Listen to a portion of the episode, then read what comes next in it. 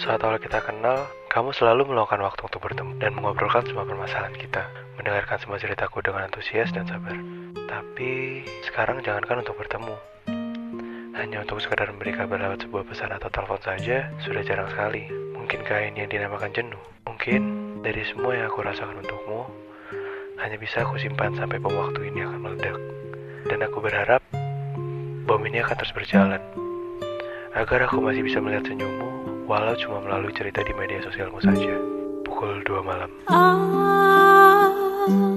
Aku harus bagaimana Tak ingin berpisah namun hatiku berkata sudah Aku memang butuh dia Namun diriku bukan